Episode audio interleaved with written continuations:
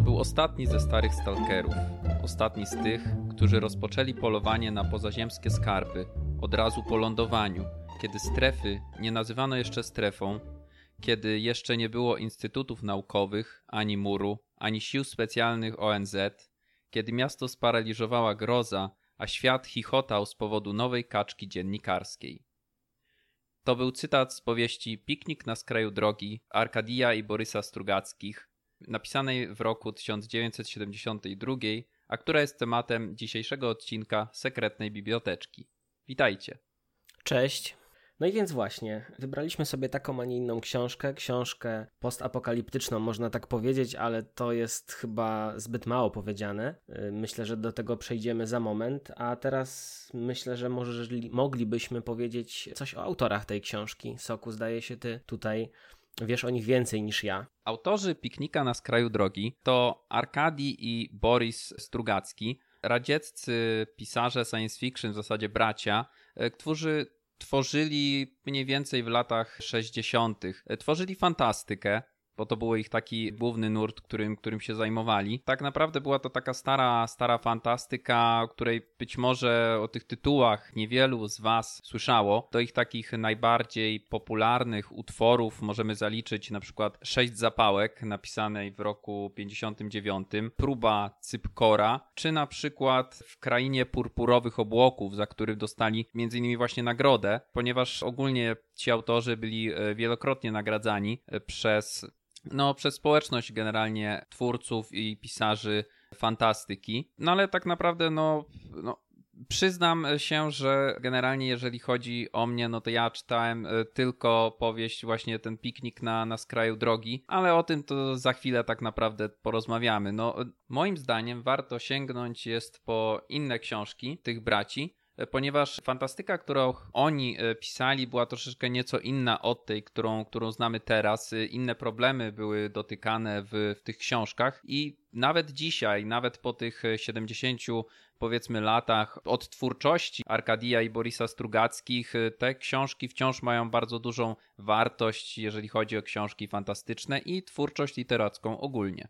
No ja muszę się przyznać, że ja nie znam żadnej innej książki braci Strugackich i myślę, że to nie jest złe, w sensie bardzo luźno podszedłem do czytania Pikniku na skraju drogi i stąd też bierze się pewna moja dygresja na temat tej książki, którą sobie pozwolę teraz tutaj wtrącić, zanim faktycznie zaczniemy o niej rozmawiać. Pierwsza rzecz dotyczy tego, co powiedziałem na samym początku, czyli powiedziałem, że jest to książka postapokaliptyczna, ale nie jest tak do końca, dlatego że de facto tam żadnej postapokalipsy, przynajmniej wprost tak rozumianej, jak rozumiemy to w w większości utworów literackich nie ma. Tam nikt bomby atomowej nie spuścił. Ludzkość się nie skończyła, jeszcze przynajmniej, a przynajmniej nie na tyle, na ile wiemy, czytając książkę. Ale moja dygresja dotyczyła czegoś innego. Książka została wydana, tak jak wspominałeś wcześniej, w 1972 roku. Wiele kolejnych utworów, tekstów kultury było na niej wzorowanych, można powiedzieć. Wielu się inspirowało. Między innymi powstał film Andrzeja Tarkowskiego, który zdecydowanie był zainspirowany książką, był nakręcony nakręcony w 1979 roku. Ja o tym filmie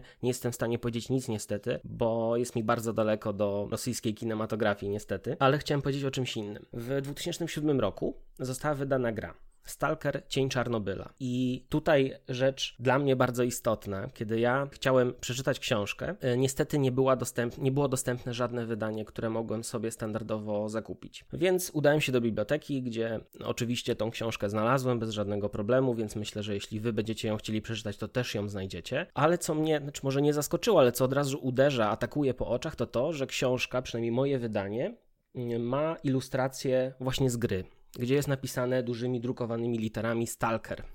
I w tym momencie, jeśli nie znało się, nie czytało się tej książki wcześniej albo się o niej nie słyszało, od razu nasuwają się jakieś tutaj porównania do katastrofy w Czernobylu, właśnie do energii atomowej, do problemów e, z energią atomową a książka jest zupełnie o czym innym, o czym zaraz powiemy. Więc moim zdaniem tutaj ten zabieg, to, to oczywiście jest znany zabieg w dużej ilości wydawców, którzy wydają książki, gdzie na mm, okładkach mamy ilustracje z seriali czy z filmów po to, żeby napędzić sprzedaż tej książki, ale w tym konkretnym przypadku uważam, że to się troszeczkę kłóci, przynajmniej treść książki kłóci się z tym, co konkretnie jest w grze, bo tak jak mówiłem, gra jest bardzo inspirowana książką, ale jednak one traktują zupełnie o czym innym. No, Może... i teraz myślę, Tak, Soku, może warto, w, może warto w takim razie powiedzieć, przynajmniej tak pokrótce w tym momencie, jak przedstawia się fabuła tej książki. Może nawet nie fabuła, ale taki początek, ponieważ nie jest to żaden spoiler. To jest tak naprawdę wprowadzenie e, do, do tej książki, ponieważ akcja książki toczy się tutaj w takim w zasadzie ciężko powiedzieć, czy jest to fikcyjne miasto, czy prawdziwe, bo przyznam, że nie sprawdzałem tego w ogóle, ale powiedzmy, że jest to fikcyjne miasto Harmont, położone w jakimś nieokreślonym anglo anglojęzycznym państwie. Znajdowała się tam jedna z sześciu tajemniczych stref, które powstały w związku z właśnie tym takim tajemniczym lądowaniem, ale o tym zaraz też powiemy i w tych strefach występowały groźne dla ludzi anomalie, a także różne takie cenne przedmioty, cenne artefakty, po które właśnie nielegalnie do tej strefy wybierali się ludzie, czyli właśnie stalkerzy. Więc y, tak jak tutaj Badziu powiedział, nie było tu zrzuconej żadnej bomby atomowej, nie było w niej zagłady ludzkości, ale jednak coś się stało coś się zmieniło, coś, co wpłynęło na wszystkie osoby, które mieszkały obok tej strefy. No tak, no jeśli chodzi o, mm, o to, co się stało, to myślę, że to też nie będzie jakiś ogromny spoiler, jeśli powiemy, ty właściwie już powiedziałeś, że akcja dzieje się w Harmont, a to jest jedna z sześciu stref lądowania kosmitów. No i właśnie, kosmici przylecieli, obcia cywilizacja odwiedziła e, Ziemię i właściwie nie zrobili nic po prostu odlecieli po, po jakiejś tam chwili. W książce oczywiście ten okres czasowy nie jest y, w jakikolwiek sposób zarysowany. Nie wiemy tego, ile oni czasu spędzili, ale wszystko wskazuje na to, że po prostu byli tam przelotem, byli tam być może przez przypadek, może specjalnie, aczkolwiek zostawili po sobie w tych strefach pewnego rodzaju pobojowisko, którym ludzie starali się oczywiście odnajdować różne, różne przedmioty, tak jak ty mówiłeś, a tymi ludźmi nazywamy stalkerów. Stalker to jest ktoś, kto, kto jest właściwie szabrownikiem w pewnym sensie, może takim złodziejaszkiem, który zakrada się pod osłoną nocy do strefy, do zony, jak zwał, tak zwał, i stara się coś cennego stamtąd wynieść. No i to słowo stalker właściwie bardzo mocno już w popkulturze się osadziło, tak? Dlatego, że później, to zresztą ty chyba wspominałeś kiedyś w rozmowie ze mną, określano tak osoby, które plądrowały strefę po wybuchu y, elektrowni w Czarnobylu na przykład. Znaczy, Więc mhm. tak tylko takie małe sprostowanie tutaj właśnie chciałbym. No to prawda, y, stalkerami nazywano osoby, tak naprawdę cały czas nazywa się tak osoby, które wchodzą do zony Czarnobylu, bez względu na to, czy są to osoby, które chodzą, chodziły tam po to, żeby zabrać stamtąd jakieś właśnie przedmioty, często napromieniowane, czy nawet zwykli tacy turyści, legalni lub nie, są nazywani stalkerami, ponieważ w pobliżu zony, no nie powinno się tak naprawdę przebywać, przynajmniej jeżeli chodzi o tą bardzo wewnętrzną strefę. Natomiast wciąż przekradają się tam osoby poprzez inspirację z gry Stalker, e, ponieważ w tej grze są lokacje bardzo ładnie też przedstawione, lokacje, które można spotkać w rzeczywistości, więc częściowo są tam również właśnie tacy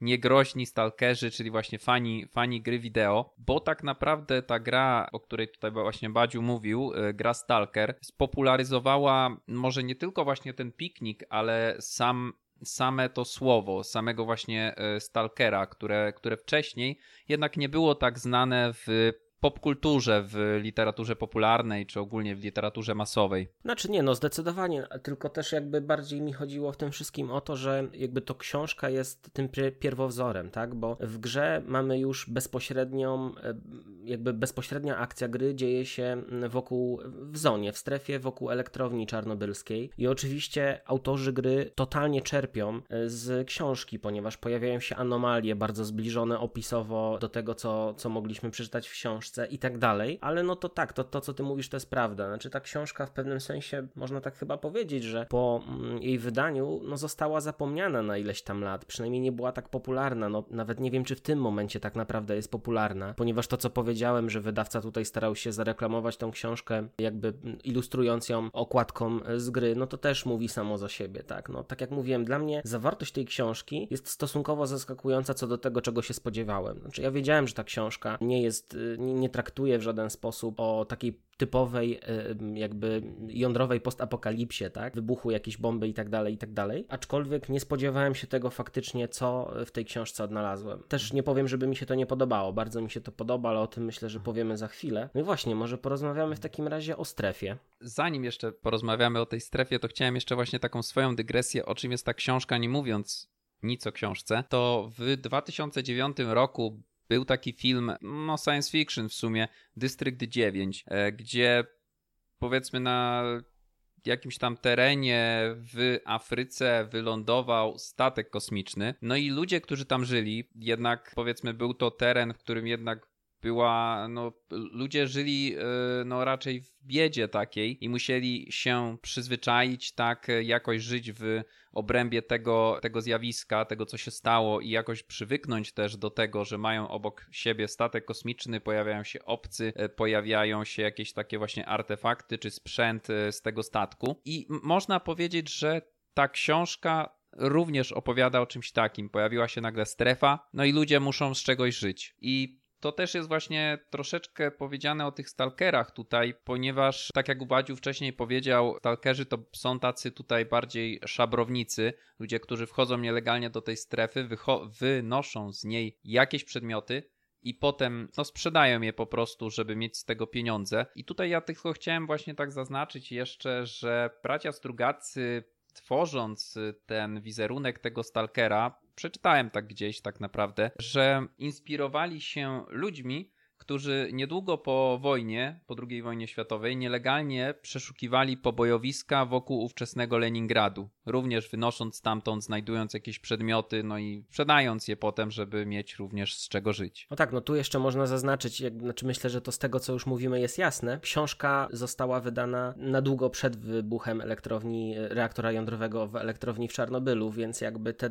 dwa y, wydarzenia, o których tutaj wspominaliśmy, nie miały ze sobą żadne, żadnego połączenia połączenia w tym przypadku, dlatego też to, co ty powiedziałeś, jest bardzo istotne w tym przypadku, skąd oni tą inspirację brali. Powiedziałeś o stalkerach i o strefie. I to, co ty powiedziałeś, to jest ogromna i bardzo ważna część tej książki, a mianowicie to, w jaki sposób strefa działa i to, że strefa właściwie, wejście do strefy jest jednoznaczne praktycznie w większości przypadków ze śmiercią. Jest bardzo śmiercionośna, jest bardzo groźna i to, co tam można spotkać, oczywiście jest bardzo wartościowe i różni ludzie w różny sposób to wykorzystują, ponieważ te przedmioty, które można znaleźć w strefie, przez niektórych zostały w jakikolwiek sposób tutaj wykorzystywane w codziennym życiu, ale też niektórych, jak możemy w książce przeczytać, no jakby sposobu ich działania nie da się wyjaśnić. To jest też bardzo bardzo ciekawe. Te tak, takie śmieci, którzy zostawili obcy, że tak powiem, i to, jaki one mają wpływ na ludzkość. Tu bardzo ważne moim zdaniem jest wspomnienie o tym, jak ta książka mówi o tych przedmiotach, które występują w tym strefie. No ponieważ dzisiejsza literatura troszeczkę przyzwyczaiła nas do tego, że jeżeli występuje jakiś przedmiot, dajmy na to występuje miecz w jakiejś książce fantazy, to dostajemy szczegółowy opis tego miecza, co to jest za miecz, co robi, jak wygląda i tak dalej, i tak dalej. Tutaj te rzeczy, które znajdują się w tej strefie często nie są nazwane na tyle, żebyśmy że tak powiem, dostali całą encyklopedyczną e, wiedzę o danym przedmiocie, ponieważ w książce przedmioty są opisane poprzez język poprzez slang stalkerów, dlatego dostajemy takie przedmioty jak na przykład pustaki, takie przedmioty jak na przykład łysice, czy to właśnie zjawiska w zasadzie. I tak naprawdę poprzez taki bardzo szczątkowy opis musimy się jako tutaj czytelnicy sami domyślać, jak te przedmioty, czy jak te zjawiska wyglądają, jak one działają. Jest to taka właśnie też część tej, tej książki, która być może nie każdemu musi, nie każdemu może się spodobać, ale ma taki swój, ja bym powiedział, no oryginalny element. Czy z każdą kolejną stroną, kiedy zagłębiamy się w fabułę tej książki, to jest to tak, powiedziałbym, coraz bardziej zrozumiałe, ale nie wyjaśnione do końca. W sensie akurat to, co powiedziałeś, to łysica tak zwana. To jest bardzo fajna rzecz. Mi się, mi się podobało w jaki sposób właśnie właśnie mm, główny bohater, stalker Red Schuchard tutaj starał się wyłapywać, to, to mianowicie były strefy wzmożonej grawitacji, tak, jeśli tak, dobrze tak. pamiętam, tak, więc on rzucał jakimiś tam przedmiotami, małymi śrubkami czy kamyczkami, te miejsca, które podejrzewał, że taka strefa może występować i obserwował, jak te przedmioty się zachowują, więc to akurat jest ciekawe, ale jest też wiele innych anomalii, powiedzmy, które tam występowały, których właściwie rzecz biorąc ani autorzy, ani bohaterowie książki też w żaden sposób nam nie tłumaczą. Oni po prostu mniej więcej wiedzą, z czym mają do czynienia, ale też nie do końca. Zresztą, no, jakby sama akcja, która się dzieje w książce, też na to by wskazywała, że tutaj y, wejście do tej strefy to jest zawsze ryzyko. Y, zasadzie- Ryzyko na tyle duże, że no, można stamtąd po prostu nie wyjść. Nie? Właściwie mało kto wychodzi stamtąd żywo, może w ten sposób nawet. Ja bym powiedział szczerze mówiąc, że to jest nie tyle co ryzyko, tylko że jeżeli powiedzmy nie jesteś takim doświadczonym stalkerem, jakim jest tutaj nasz e, powiedzmy główny bohater tej książki, to to nie jest ryzyko, to jest samobójstwo w zasadzie. Bo wystarczy wejść na tą naszą wspomnianą łysicę, która, no, bo można sobie pomyśleć, okej, strefa jakiejś tam wzmożonej grawitacji, no i co z tego? No ale dostajemy na przykład, y, no może to nie jest konkretny opis książki, co może zrobić właśnie taka, taka strefa. Może na przykład cały samochód na płasko nam, z, że tak powiem, do ziemi przygnieść. I wtedy sobie wyobrażamy, co może się stać z takim stalkerem, który wejdzie w taką łysicę. No i to wtedy daje do myślenia. Wspomniałeś, Soku, jeszcze o przedmiotach, które znajdowały się w strefie, między innymi o pustaku. Ja jeszcze tutaj dodałbym e, na przykład bateryjkę, która właściwie działanie jej zupełnie nie jest wyjaśnione. Wiemy tylko tyle, że można ją wykorzystać jako nieskończone źródło energii, co jest wykorzystywane przez jednego z, powiedzmy, z takich pomniejszych bohaterów w książce, więc e, A tych może powiesz, co jest... robił ten bohater? Mówimy teraz o Nununie, tak? Tak. Ciężko powiedzieć tak do końca, co on robił. W każdym razie wszystko wskazuje na to, że no nie miał dobrych intencji, jeśli chodzi o, o te przedmioty ze strefy. No był chyba handlarzem, tak? Ja to, ja Tak, to tak, tak, tak, ale zrozumiałem, bo... Bardziej chodziło mi o to, co robił z tą bateryjką. I chodziło A, mi o to, z bateryjką, że okej, to... używał jej do tego, żeby no, uruchamiać samochód i jeździć samochodem bez żadnego innego źródła energii. No na dokładnie, przykład wkładał paliwo. po prostu do stacyjki z tego co pamiętam i samochód jeździł po prostu. Nie, nie wiedzieć czemu, ale samochód jeździł. Więc no, te przedmioty miały, co niektóre przynajmniej, bardzo dziwne właściwości, których naukowcy nie potrafili w żaden sposób wyjaśnić. Wartą odnotowania rzeczą jest to, że zajmował się tym Instytut Cywilizacji Pozaziemskich, czyli to nie byli randomowi ludzie, którzy mm, zdecydowali się przetrząsać strefę i ją badać, tylko to byli po prostu naukowcy, którzy nie potrafili wyjaśnić działania tych przedmiotów, nie potrafili zrozumieć tej anomalii. I pojawiła się jeszcze jedna rzecz, fascynująca całkiem, bo wspominana właściwie w wielu miejscach w książce, mianowicie legendarna złota kula, czyli kula, która podobno miała spełniać życzenia tego, który ją odnajdzie. Natomiast było to tak naprawdę coś w rodzaju właśnie takiej legendy, czyli no sami nawet stalkerzy, którzy chodzili do tej strefy, słyszeli coś tylko właśnie tej złotej kuli, którą tam może ktoś widział, ale tak naprawdę nie wiadomo, czy to prawda, czy to mit, nawet nie wiadomo o tym, czy ona spełnia życzenia, czy nie, czyli była to raczej taka, taka baśń, takie nawet pobożne życzenie, żeby coś takiego istniało, no bo jeżeli tak wiele niesamowitych rzeczy istnieje właśnie w tej strefie, no to czemu ma nie istnieć właśnie coś takiego, skoro tyle tak naprawdę daje nam właśnie ta, ta strefa. Nie wszystkie te rzeczy, które daje ta strefa były takie ja bym powiedział pozytywne. No oprócz takiego powiedzmy wpływu bezpośredniego na te osoby, które, które tam wchodzą, że właśnie mogły, mogły zginąć, mogły nie wrócić nigdy, bo nagle się coś, coś zdarzyło, czego nawet sami nie mogli tutaj wyjaśnić. No to chciałem powiedzieć tutaj o wpływie tej takiej e, strefy, która być może jest tutaj bardzo podobna do, do zony czarnobylskiej. Chodzi mi o promieniowanie, ponieważ w strefie tej z piknika na, na skraju drogi promieniowania nie ma w zasadzie żadnego no bo nic tam nie wybuchło, więc nic nie ma jakby prawa promieniować. Natomiast sama strefa zmienia na przykład te osoby, które, które tam wchodzą, zmienia tych stalkerów. I tutaj myślę, że warto jest właśnie porozmawiać o córce głównego bohatera, córce Reda Schuharta, o Marii, Mariszce. No tak, no Mariszka y, urodziła się, można powiedzieć, z pewną mutacją, tak, tak jak inne zresztą dzieci stalkerów, co jest w książce opisane, a mianowicie przypominała trochę takie zwierzątko. Nie wiem, ja sobie wyobrażałem to tak, jak było tam opisane, że ona ma futro na twarzy, na buzi i tak dalej, i tak dalej. Ja sobie troszeczkę wyobrażałem ją jako takiego, nie wiem, y, miśka, może liska, coś, coś w tym rodzaju. W każdym razie bardzo mocno przypominała mm, nie człowieka, a, a zwierzę takie. W dalszej części książki też jest wspomniane o tym, jak ona później dorasta i jednocześnie coraz bardziej oddala się od człowieczeństwa, niestety, co zresztą też napędza w pewnym sensie fabułę i głównego bohatera, ale o tym nie chcę mówić, bo nie chcę tutaj żadnych spoilerów robić, ale mm, no Mariszka to nie był jedyny przykład tej mutacji, tych różnych, tego oddziaływania negatywnego strefy, tak bym powiedział.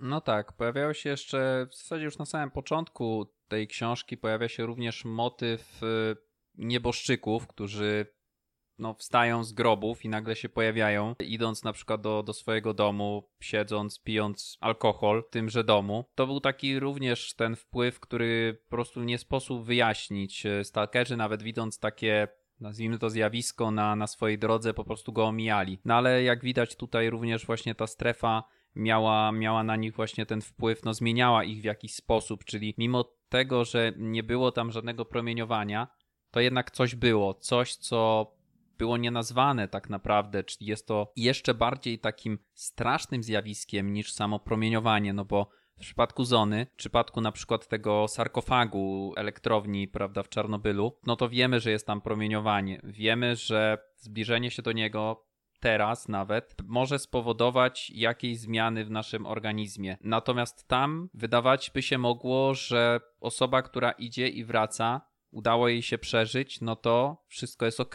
No ale nie jest tak. I to też również jest takie straszne, że te strefy w samej książce jest powiedziane w zasadzie, że mija tam paręnaście powiedzmy lat od kiedy ci kosmici przylecieli i przez paręnaście lat osoby wchodzą do tej strefy i wychodzą z tej strefy, to wciąż niewiele o tej strefie wiadomo. Wciąż to miejsce jest niebezpieczne. No właśnie, tak naprawdę nic tutaj się przez te lata e, nie wyjaśniło, bo książka to o tym nie powiedzieliśmy, ale to też warto powiedzieć. Rozdziały książki bardzo często są oddalone od siebie o co najmniej kilka lat, więc jakby przechodzimy od tego momentu, którym jakby kilka lat najprawdopodobniej po lądowaniu, aż do idąc dalej po prostu przez te wszystkie lata, kiedy, kiedy ci bohaterowie nam tutaj, e, nie wiem, dorastają, starzeją się, bym nawet powiedział. To, co ty powiedziałeś o tych nieboszczykach, to to jest bardzo ciekawe, bo też jakby to też nie jest tak, że oni w zmartw zmartwychwstają i oni są sobą. Otóż nie, to, to są tak naprawdę w, pewnym, w pewien sposób marionetki, takie kukły. Y, oni zdecydowanie nie są sobą, aczkolwiek z jakiegoś powodu, tak jak ty powiedziałeś, wracają do swoich domów, do swoich rodzin i można by stwierdzić, że oni żyją, ale chyba nie do końca, co też nie zostało tutaj wyjaśnione. A ja jeszcze wspomniałbym o jednej rzeczy, bo to w książce jest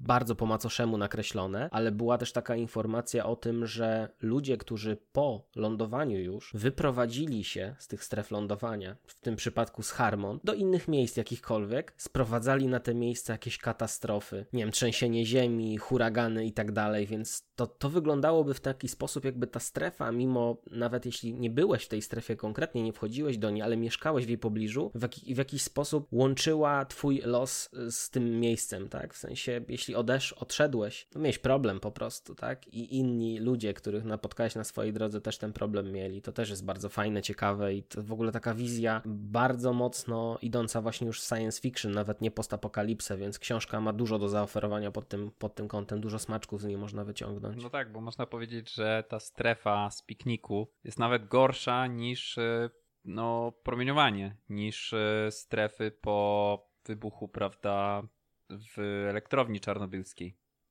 No, no, zdecydowanie, zdecydowanie. A propos pikniku, może powiemy właśnie coś o samej tej teorii i tytule Piknik na skraju drogi. Dlaczego tak, a nie inaczej? No tak, to tak chciałbym tylko zaznaczyć, że to pojawia się jednak w powiedzmy trzech czwartych tej, tej książki, która i tak jest krótka. Dlatego no chciałem to tylko tak zaznaczyć. Nie jest to żaden spoiler dotyczący fabuły, ewentualnie dotyczący tytułu, ale no jak wam to nie przeszkadza, no to słuchajcie dalej. Ja myślę, że spoiler po 40 prawie 8 latach od wydania książki nie jest jakimś wielkim spoilerem, więc nie powinniście się tutaj martwić. Nie zdradziliśmy wam żadnych tutaj takich najbardziej fascynujących momentów w tej książce, więc o tym pikniku też możemy powiedzieć. Ej, no, jeżeli ktoś e, nie czytał jakiejś książki I teraz byś mu powiedział na przykład, że ty, ten ksiądz, który jest w tej książce, to on się nazywa Jacek Soplica. I byłby takie, no jak to?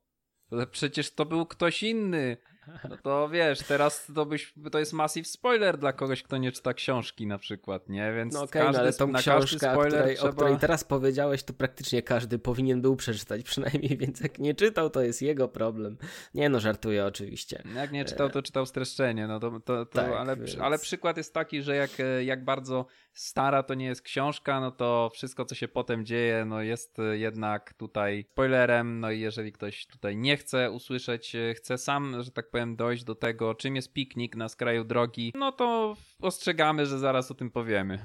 No więc, piknik na skraju drogi jest. No więc, w pewnym momencie główny bohater rozmawia ze swoim przyjacielem w barze, czy tam nawet, to nawet nie jest chyba główny bohater, Jeden z głównych bohaterów. Jeden z głównych tak bohaterów. W każdym razie e, rozmawiałem o samym lądowaniu.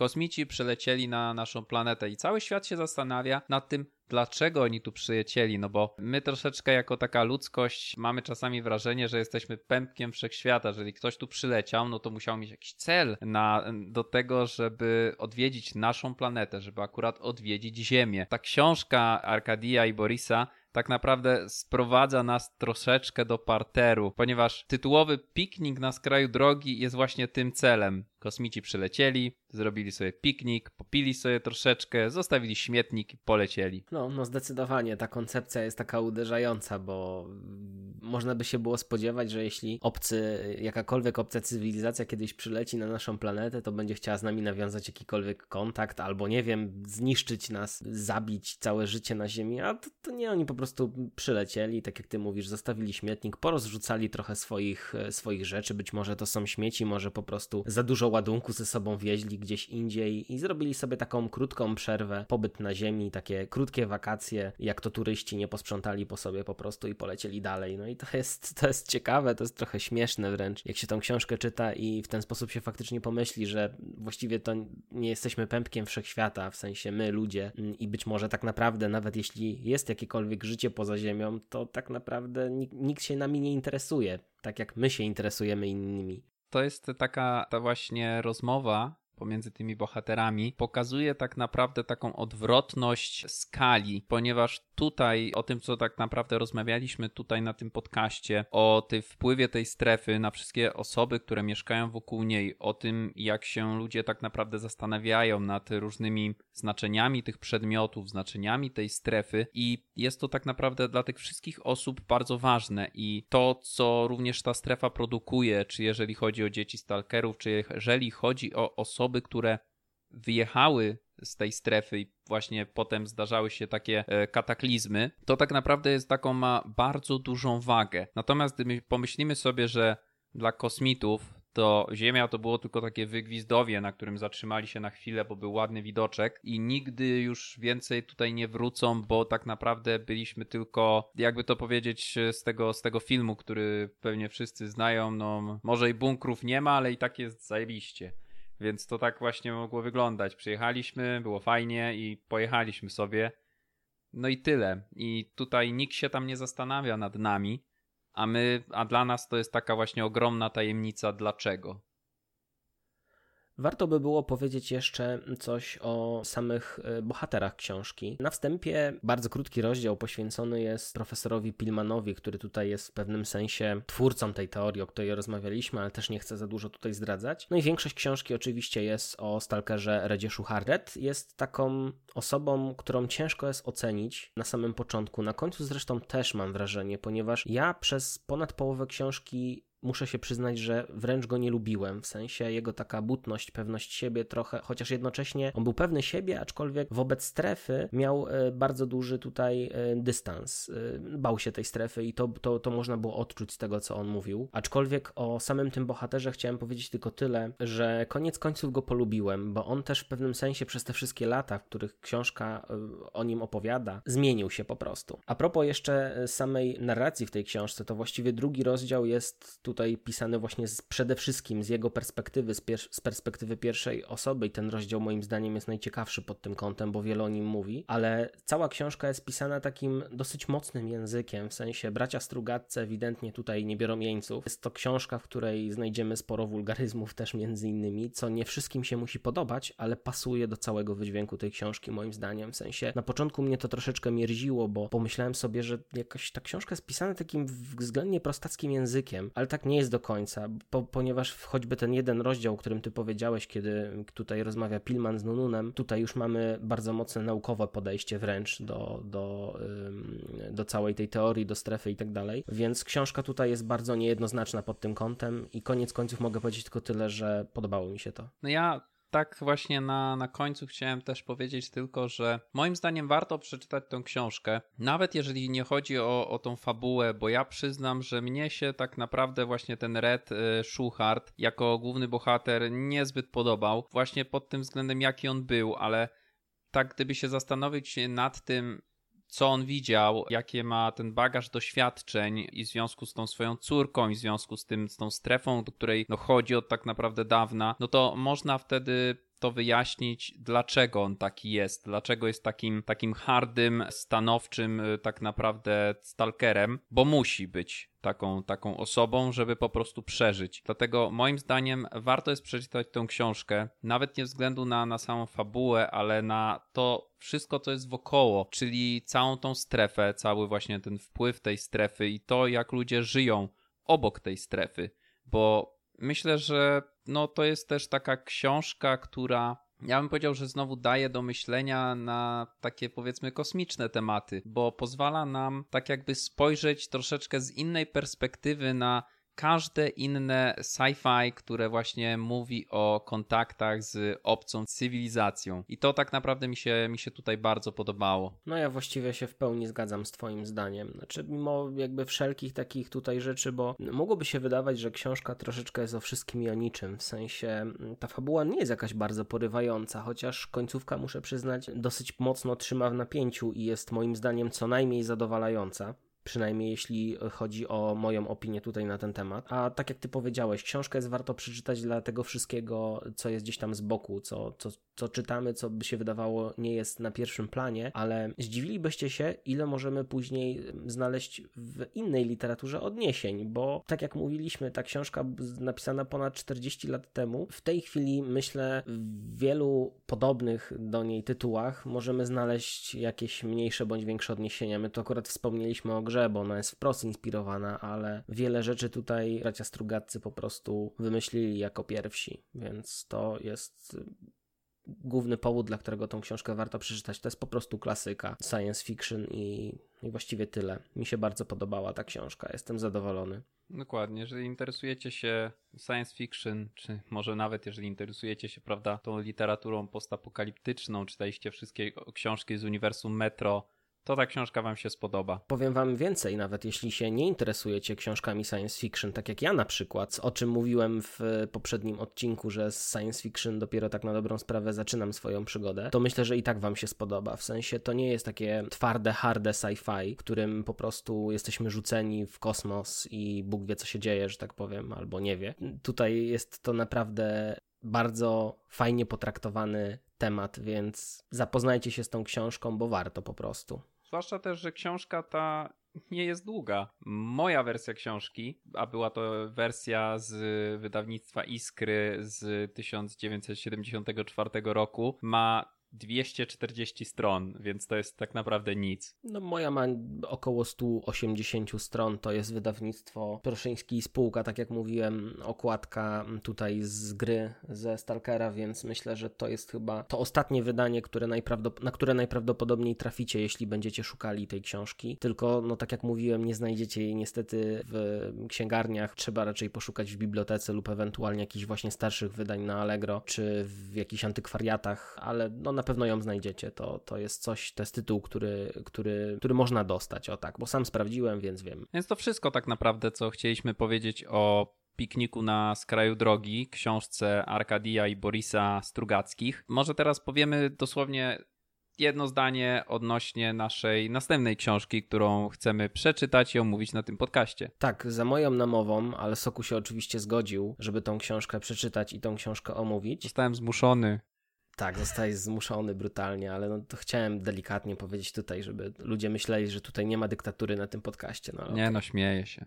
No wiem, jest dyktatura. Ja też się śmieję.